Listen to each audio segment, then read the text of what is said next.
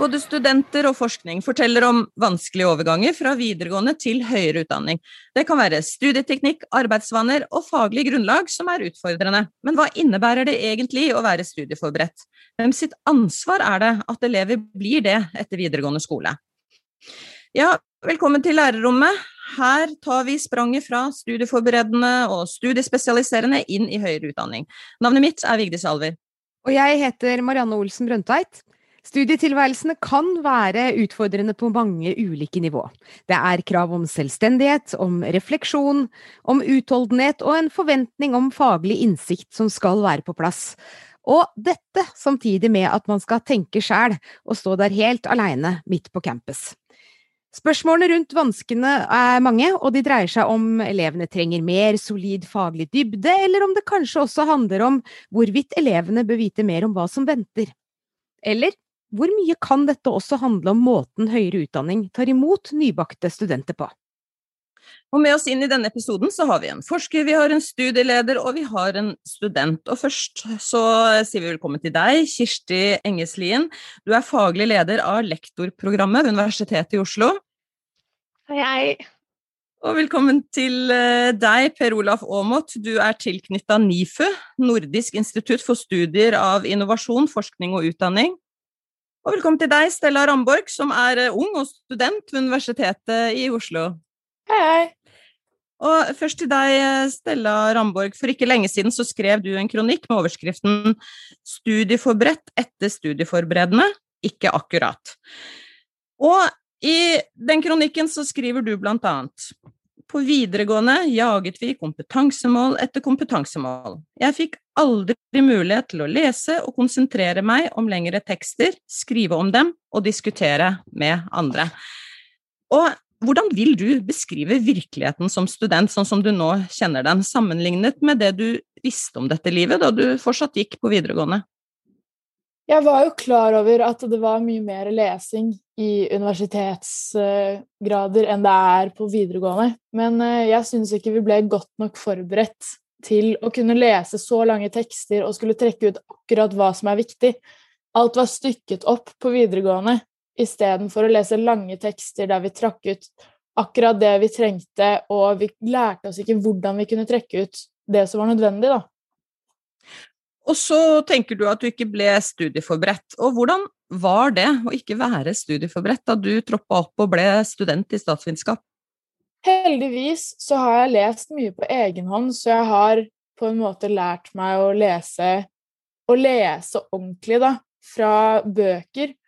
Men jeg syns at uh, videregående burde forberedt meg bedre, så jeg var klar for at nå starter du på studiet, og nå skal du lese alt selv og du skal vite selv hva det er du skal trekke ut, og du skal vite akkurat hvordan du skal lese, med hvilken teknikk. Og det har jeg ikke fått fra videregående, da, mener jeg. Mm. Ja, Nå nevner du noen situasjoner her, men kan du nevne flere konkrete situasjoner som har vært og er mest utfordrende for deg, og, og kanskje litt hva medstudentene dine forteller om rundt dette også? Ja, vi leser jo om lag kanskje 200 sider i uken, da med tungt faglig stoff. Og da er det vanskelig å forstå egentlig hva som faktisk står i disse bøkene av filosofer fra 1400-tallet. Da har vi ikke helt kål på hva som faktisk blir sagt, og hva som står bak teksten, og hva som er implisitt. Og ja, det blir litt vanskelig å, få, å bli forberedt til eksamen da, på universitetet når vi ikke helt vet hva det er som er best å forberede seg på. Ja, Kirsti Engelin, her vil du si noe? Ja, jeg, jeg, forstår veldig godt eh, Jeg leste eh, kronikken din Stella, når den kom, så jeg, jeg, kjente veldig igjen den situasjonsbeskrivelsen som du kom med i, i, den eh, teksten.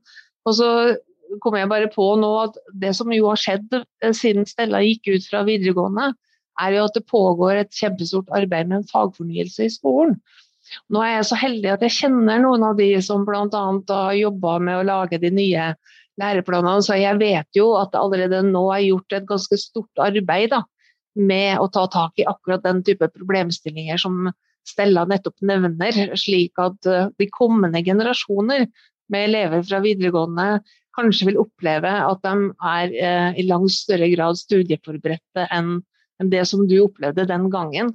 Og så er det jo også Mm. slik at UH-sektoren, i den grad det er kapasitet til det, jo har ulike typer studietilbud og tilrettelegginger ved studiestart. Men, men han føler seg jo det skal, det skal mye til for å alltid føle seg helt 100 forberedt. Men jeg vil berømme deg for det arbeidet og den innsatsen som du har gjort, Stella. Og så får vi håpe for de fremtidige generasjonene gjennom fagfornyelsen. Ja, framtidige generasjoner gjennom fagfornyelsen, Stella. Men sånn som din situasjon er nå, og veldig mange andre studenter, hvem tenker du det er som, som har ansvaret, eller som skulle hatt ansvaret for å gjøre deg mer studieforberedt? Ansvaret ligger jo hovedsakelig i seg selv. Man skal jo selv kunne klare å lære det, men det hadde vært veldig greit å være bedre forberedt fra videregående av. At vi kunne lese lengre forskningsartikler og trekke ut det viktige, at vi leste romaner. At vi ble, ja, ble mer forberedt på ordentlig lesing, da. Ikke stykket opp lesing som var enkel og veldig eksplisitt. Og jeg merker det at uh, hvis jeg ikke hadde hatt den kollokvien jeg har nå, så hadde ikke studiet vært like bra som det er. Så, og det er jo ikke alle som er heldige, som har en like god kollokvie som det jeg har vært heldig å få. da. Per Olaf Aamodt, du er forsker, og i eh, 2015 så presenterte du og din kollega Berit Lødding en rapport som eh, nettopp adresserte og tok for seg dette med å være studieforberedt etter studieforberedende. Dere snakket jo med flere lærere, studenter og elever, og hvis vi skal ta tak i det som Stella Ramborg beskriver her, hvordan passer hennes historie med deres funn? Jeg syns det passer veldig godt. Det illustrerer veldig godt de, de funnene som vi gjorde. Og det er nettopp denne overgangen som er vanskelig. Og det, la meg først si at overgangen fra videregående til høyere utdanning har alltid vært vanskelig. Det tror jeg vi alle sammen har opplevd sjøl. Og på sett og vis så syns jeg at den skal være vanskelig også, fordi det er to helt forskjellige eh, skoleslag med helt ulike mål. Eh, videregående er tross alt, eh, selv om det heter studieforberedende, så er det en allmennutdanning. Og mens høyere utdanning går da inn i, i fordypning i fag. Men så må det også sies at det er jo enorme forskjeller mellom studier. Mellom la oss si, de mer disiplinbaserte studiene som Stella går på, og profesjonsutdanninger som lærer, sykepleier osv. I hvor stor grad det, det er forskjellig, det, det, vet vi vel egentlig ikke. Men vi vet såpass mye om ulike studieorganiseringer at, at nok møte med universiteter eller høyskoler er veldig avhengig av den, det studieopplegget, det pensum, den undervisningsmetoden man har. Mm. Ja, for dere peker jo på noen hovedområder som utgjør vanskene for studentene. Altså Rapportene er jo veldig omfattende, men likevel så kan man sortere inn flere hovedområder. Hvilke er disse, og hvordan oppleves de? Altså, vi ble på mange måter ganske overrasket over eh, kanskje særlig eh, svarene fra undervisningspersonalet ved universitetene. Vi hadde jo forventet at eh, et syting og klaging over dårlig forberedt, at studentene var for dårlige i matematikk, at de ikke kunne språk nok osv. Men de var nok ikke fornøyd med det heller. Men først og fremst så var det de pekte på, var det som nå vi har vært inne på, evnen til å lese store pensummengder, og ikke minst til å skrive akademisk, og til å jobbe selvstendig. Altså, disse tingene synes å være en mye viktigere problem for de nye studentene enn akkurat uh, hvor gode de er i fagene sine. Mm. Eh, men du, som du var inne på her, altså kompetanse og fagkunnskap som må være på plass for de mest, eh, mer spesifikke studieretningene. Men hvordan vil du beskrive en studieforberedt student? Jeg tror vel egentlig at uh, Det kan vel ikke at vi egentlig helt svare på ut fra vår forskning, men en studieforberedt er vel mye av det Stella sier, at det er jo opp til studenten sjøl. Og, den store overgangen som vi jo selvfølgelig opplevde, det er jo at på videregående, både grunnskole og videregående, så har vi liksom fått kunnskapen inn i små biter og teskjeer beskjed om hva som skal leses neste uke, og organisert. Allting foregår i et klasserom og med lekser. Skolehverdagen er veldig gjennomorganisert. på universitets- og høyskole så er du i mye større grad overlatt til deg sjøl. Og det er tøft. Men det skal også si at den gamle undersøkelsen som eh, vi, vi gjorde, var jo at det syns jo de nye studentene var gøy. Nettopp det at de kom over i noe helt annet. Det var liksom men så er krevende ikke, så man skal flytte hjemmefra, man skal klare seg på egen hånd, man har ikke mødre som smører nistepakka for så langt lenger. Så det er, det er, ikke bare det faglige, det er, liksom en, det er en helt ny, ny, hverdag, det å være student, og den er krevende. Men jeg tror de aller, aller fleste studenter opplever dette som, en, eh, som veldig positivt. Så det er, ikke, det, er ikke, det er, ikke, sånn at dette er kritisk at uh, sånn, For de aller fleste studenter tilpasser seg dette rimelig bra.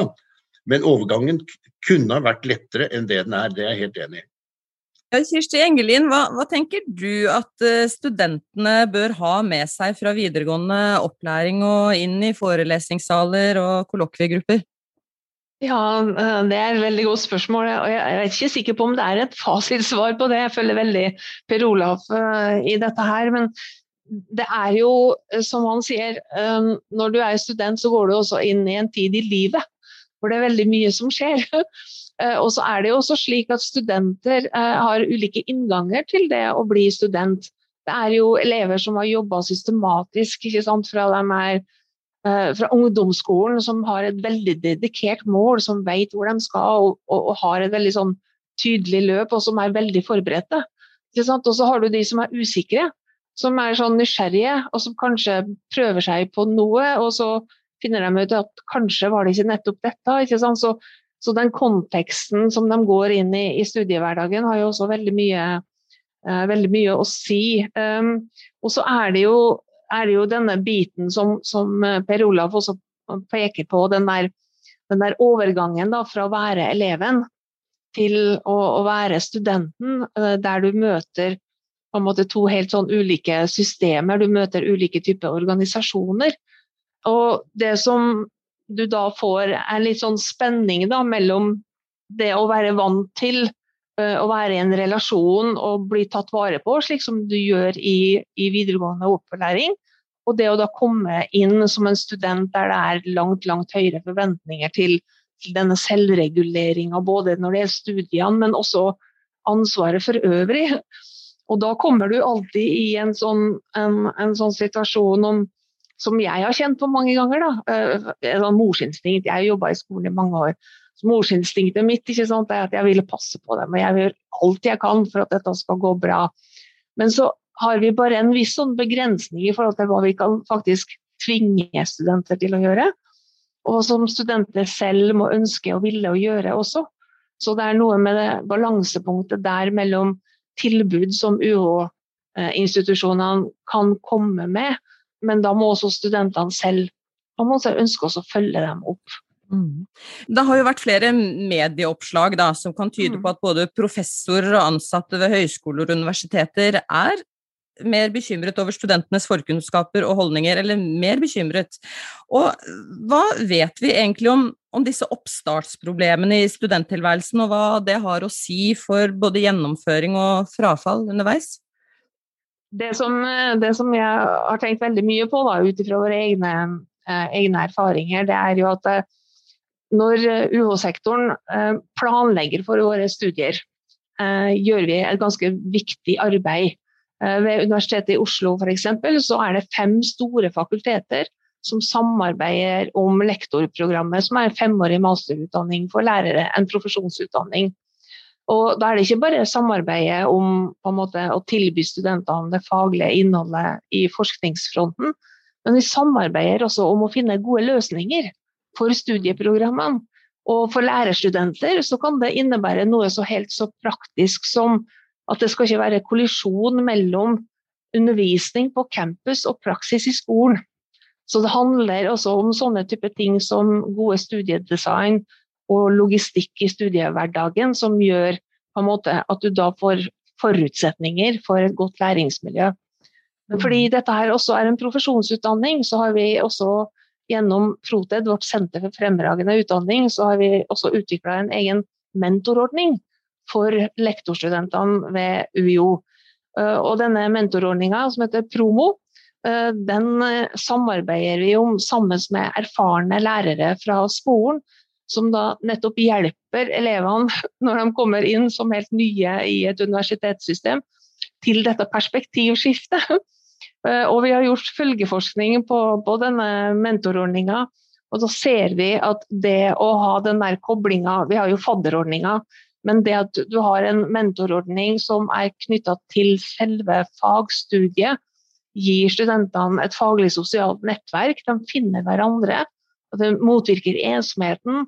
Eh, vi opplever f.eks. at studenter feirer julebord i promo-mentorgruppa si. Og ikke minst så ser vi resultater ut av dette arbeidet, både da med studiedesignene og de gode løsningene og mentorordninga. fordi nå er frafallet på dette studieprogrammet faktisk redusert med 50% i løpet av de siste årene. Så det er nede i bare 16,67% etter det første studieåret. Så, så det er liksom det, er det helhetlige arbeidet både da med studieprogrammene og hvordan de er strukturert, men også selvfølgelig da eh, læringsmiljøet. Ja, men eh, litt til Engeslien. Nå nevner du et par ting her. og Kan du veldig kort si litt mer, for det er jo studenter likevel som sliter inn i det her. og Hva kan dere mm. egentlig, kan dere egentlig gjøre for dem da? Jo, og det som er noe av kanskje den største utfordringa som jeg har tenkt mye på, eh, og som Stella sikkert også kjente på, tenker jeg, det er når du kommer på, inn på de store universitetene. Altså, hvor er det jeg hører hjemme? Hvor er mitt sted? Fordi du har vært vant til å ha hatt en klasse, du har hatt en kontaktlærer. ikke sant? Så, så du, du, kommer inn i en organisasjon som er et vakuum, der mange har forventninger, og ikke nødvendigvis den ene dedikerte personen som er liksom min person.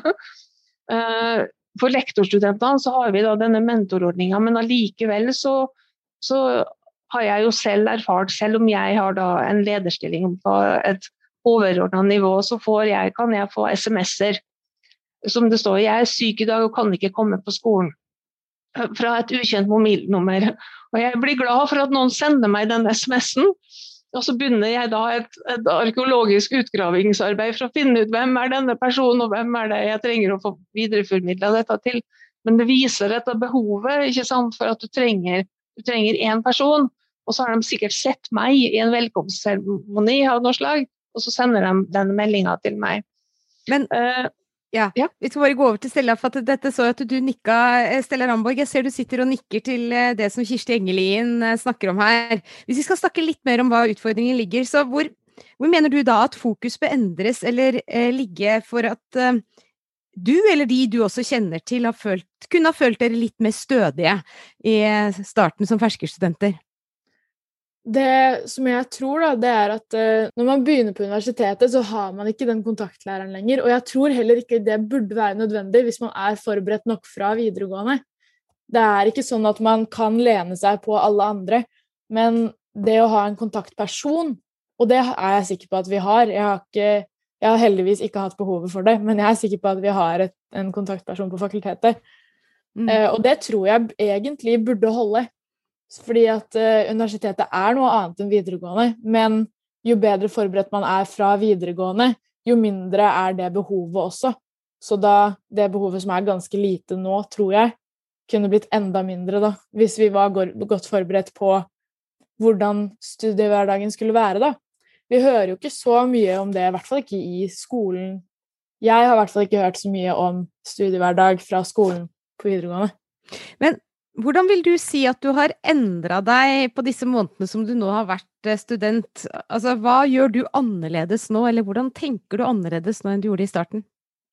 Eh, jeg har blitt mye flinkere på å lese pensum til Jeg skal lese pensum til forelesninger og være klar før det. Og jeg har også, som sagt, en veldig god kollokviegruppe, og vi deler inn pensum, så alle leser alt, men vi deler inn Sånn at uh, hvis jeg har en, ti sider da, som jeg fokuserer på, så forklarer jeg det videre til de andre. Da trekker jeg ut det viktigste, og så trekker de ut det viktigste fra sine deler. Og da sammen får vi liksom samfattet det til at vi faktisk forstår hva som står der, da. For det er jo ganske kompliserte, fagtunge tekster.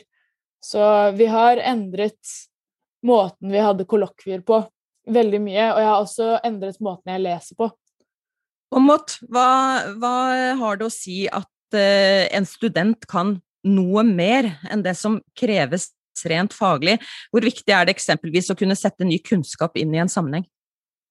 La meg si at eh, det er jo en av utfordringene man har man begynner på universitetet. Det er forresten litt morsomt når Kirsti sier det. Er, studenter i dag sier at de skal på skolen. Det sa ikke vi i vår tid.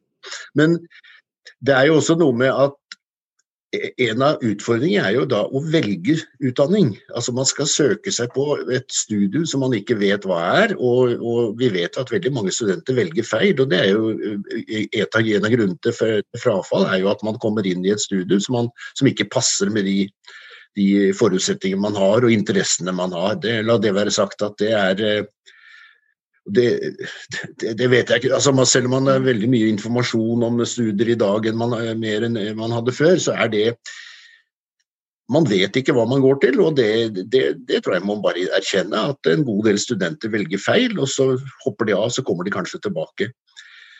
Men jeg har lyst til å si også at det har skjedd veldig mye innenfor høyere utdanning i de senere tiårene. og jeg var med i utvalget som foreslo såkalte kvalitetsreformen. Jeg vil aldri bruke det ordet, men det er nå så.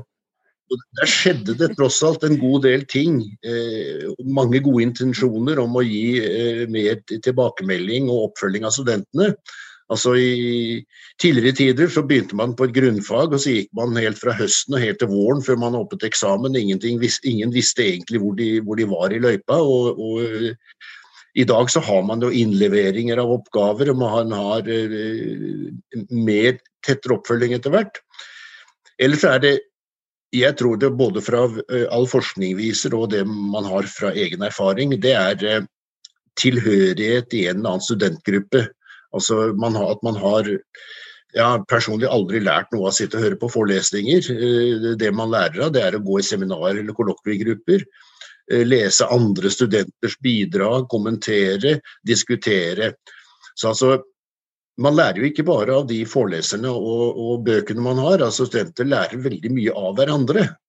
Mm. Og det er, det, det er, noe av det altså, Man lærte mest man satt på pauserommet egentlig og diskuterte eh, et, tingene. Denne bekymringen om studentenes kvalitet og nivå, eh, den har jo vært adressert Eh, i mange tiår. Den, er jo ikke, den er jo ikke ny. Er det et problem vi kan forvente at noen gang vil forsvinne, tror du, eller er det, eller er det mer prekært nå enn noen gang? Det er vanskelig å si. Altså, vi må, jo, vi må jo ta inn over oss at i dag så er det borte omtrent halvparten og vel så det av et årskull som begynner i høyere utdanning. Går det noen tiår tilbake, så var det 10-15-20% som begynte. Og det, og, og det, var en mye mer selektert gruppe som begynte på universitetene. I dag er også universiteter og høyskoler blitt en nesten slags sånn allmennutdanning for halve, halve årskullet. Det, det, betyr jo noe, men så har jo da professorer og andre gamle folk har jo stort en tendens til at uh, i dag er det mye verre enn det var, og var mye, det var mye bedre i min tid, mye flinkere studenter. Altså Jeg har tror ikke jeg kan skryte på meg at det var noe veldig fantastisk studentmiljø og så veldig stor innsats blant studentene da jeg sjøl studerte. Så at dette bildet om allting var så mye bedre før, det, det, tror jeg er et sånn generelt blikk. Det tror jeg vi skal glemme litt. Og dessuten, vi har de studentene vi har. Universitetene og høyskolene tar imot de studentene de får, og det er det materialet de skal jobbe ut fra. Ja, Kirsti Engelin, du ønsket å kommentere her. Ja, jeg husker det, den studietida med grunnfag og de 4000 sidene pensum som, som, vi skulle hoste opp igjen. Men jeg tenker at det som jo også er, um, er viktig i denne sammenhengen, og som Stella igjen syns jeg er et veldig godt uttrykk for, det at du har valgt å på en måte engasjere deg uh, og finne arbeidsmåter som fungerer for deg. Uh, det som jeg også opplever fra tid til annen, er at uh, studentene blir kanskje litt sånn rådville. Og kanskje velger av og til å være sånn passive eller bare vente på at noe skal skje. Eh, fordi at det finnes i dag, som Per Olav sier, altså det, det finnes i dag veldig, veldig mange tilbud. Og da kommer vi inn i det, det store spørsmålet hvem er det som vinner kampen om tida. Eh, fordi at heltidsstudenten, sånn som den var den gangen da, for lenge siden, den, den er ikke uh, slik i dag. De fleste jobber, de har venner og familier, ikke sant? og så er det mye som skal gå opp i det å være det unge mennesket i en etableringsfase av livet. Og det som jeg, stadig opplever, er at uh, studenter ikke har innsikt i eller kunnskap om de tilbudene og de mulighetene som faktisk er der. Uh, ved lektorprogrammet så har vi f.eks. en utvida studieveiledningsordning. Der studentene kan få hjelp med det meste. Men det er bare det også å nå ut med informasjon og bevisstgjøre, oppfordre studenter til å ta kontakt med, med, alle tilbudene som er der gjennom bibliotekordninger og, og den biten også. ikke sant? Og, og, da det å engasjere seg sammen med medstudenter for å ta litt sånn eierskap til den læringsprosessen som Stella har gjort, det er jo et veldig stort og godt skritt i den riktige retninga. Du har jo tidligere vært inne her på, på dette med, med, å få en SMS om å ikke komme på skolen. Ja. og hvem, hvem, er det som har sendt denne meldingen? Men ja. for, for, å gripe litt fatt i den med rollen der da, til slutt her. Eh, gjennom minst tolv års skolegang så har jo disse elevene hatt en kontaktlærer å forholde seg til. Og Stella har jo vært innom, jeg er ikke sikker på om det er nødvendig å ha den personen, men, men no, eh, litt sånn manøvreringshjelp. Hvilken ansatt på universitet eller høyskole skal fylle denne rollen, eller trenger man ikke en slik rolle? Eh, jeg er litt sånn med Stella her, at jeg tror ikke vi klarer å på en måte altså UH-sektoren kan ikke ha kontaktlærer. Nei. Men det som er det viktige, som vi vet om, det er at eh, vi må gjøre alt vi kan for å engasjere studentene inn i fagmiljøene i de emnene som de studerer. Uh, og vi gjør jo det bl.a. gjennom i profesjonsutdanninga, bl.a. gjennom den promo-ordninga. Og jeg vet at det jobbes veldig mye med det, spesielt de førsteårsstudentene som, uh, som begynner ved universitetene. Så det å få den der tilhørigheten til studentmiljøet og til fagmiljøet, uh, og ha noen å, å, snakke fag med og, og finne lidenskapen sin med, det er det viktigste. Men så er disse studieveilederne der. Ikke sant? Og, og av og til så, så, blir de litt sånn borte. Uh, og de studieveilederne kan på mange måter bidra gjennom f.eks. å legge til rette for å lage en god studieplan. De kan ha oppfølgingssamtaler. Hvordan synes du at du lyktes dette semesteret? Har du strøket på eksamen? Vet du hva, det finnes en løsning, vi kan gjøre slik og slik. Så sånn sett ikke sant, så finnes det noen mekanismer her, men det er mange studenter som ikke er klar over at de mekanismene finnes. Stella Ramborg, helt til slutt, da. Hvis du skulle ha snakket med lærerne dine på videregående nå, eller gitt elevene som sitter i klasserommet deres noen råd, hvilke råd ville du gitt da? Da ville jeg nok rådet til å lese mer. Lese fagtunge tekster og lese romaner. Og trekke ut hva som faktisk er viktig i disse tekstene eller disse romanene, klare å lese implisitt. Jeg tror det er det viktigste, og jeg tror at uh, hvis man kan lese, ekte lese, så har man et veldig, veldig godt uh, grunnlag for studiehverdag. Mm. Og uansett om man ikke skal studere, så er det alltid lurt å bare ha lest og kunne lese på ordentlig.